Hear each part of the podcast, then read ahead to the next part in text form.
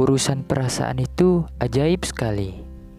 Bahkan bisa membuat merasa sepi di tengah keramaian atau ramai di tengah kesepian. thank you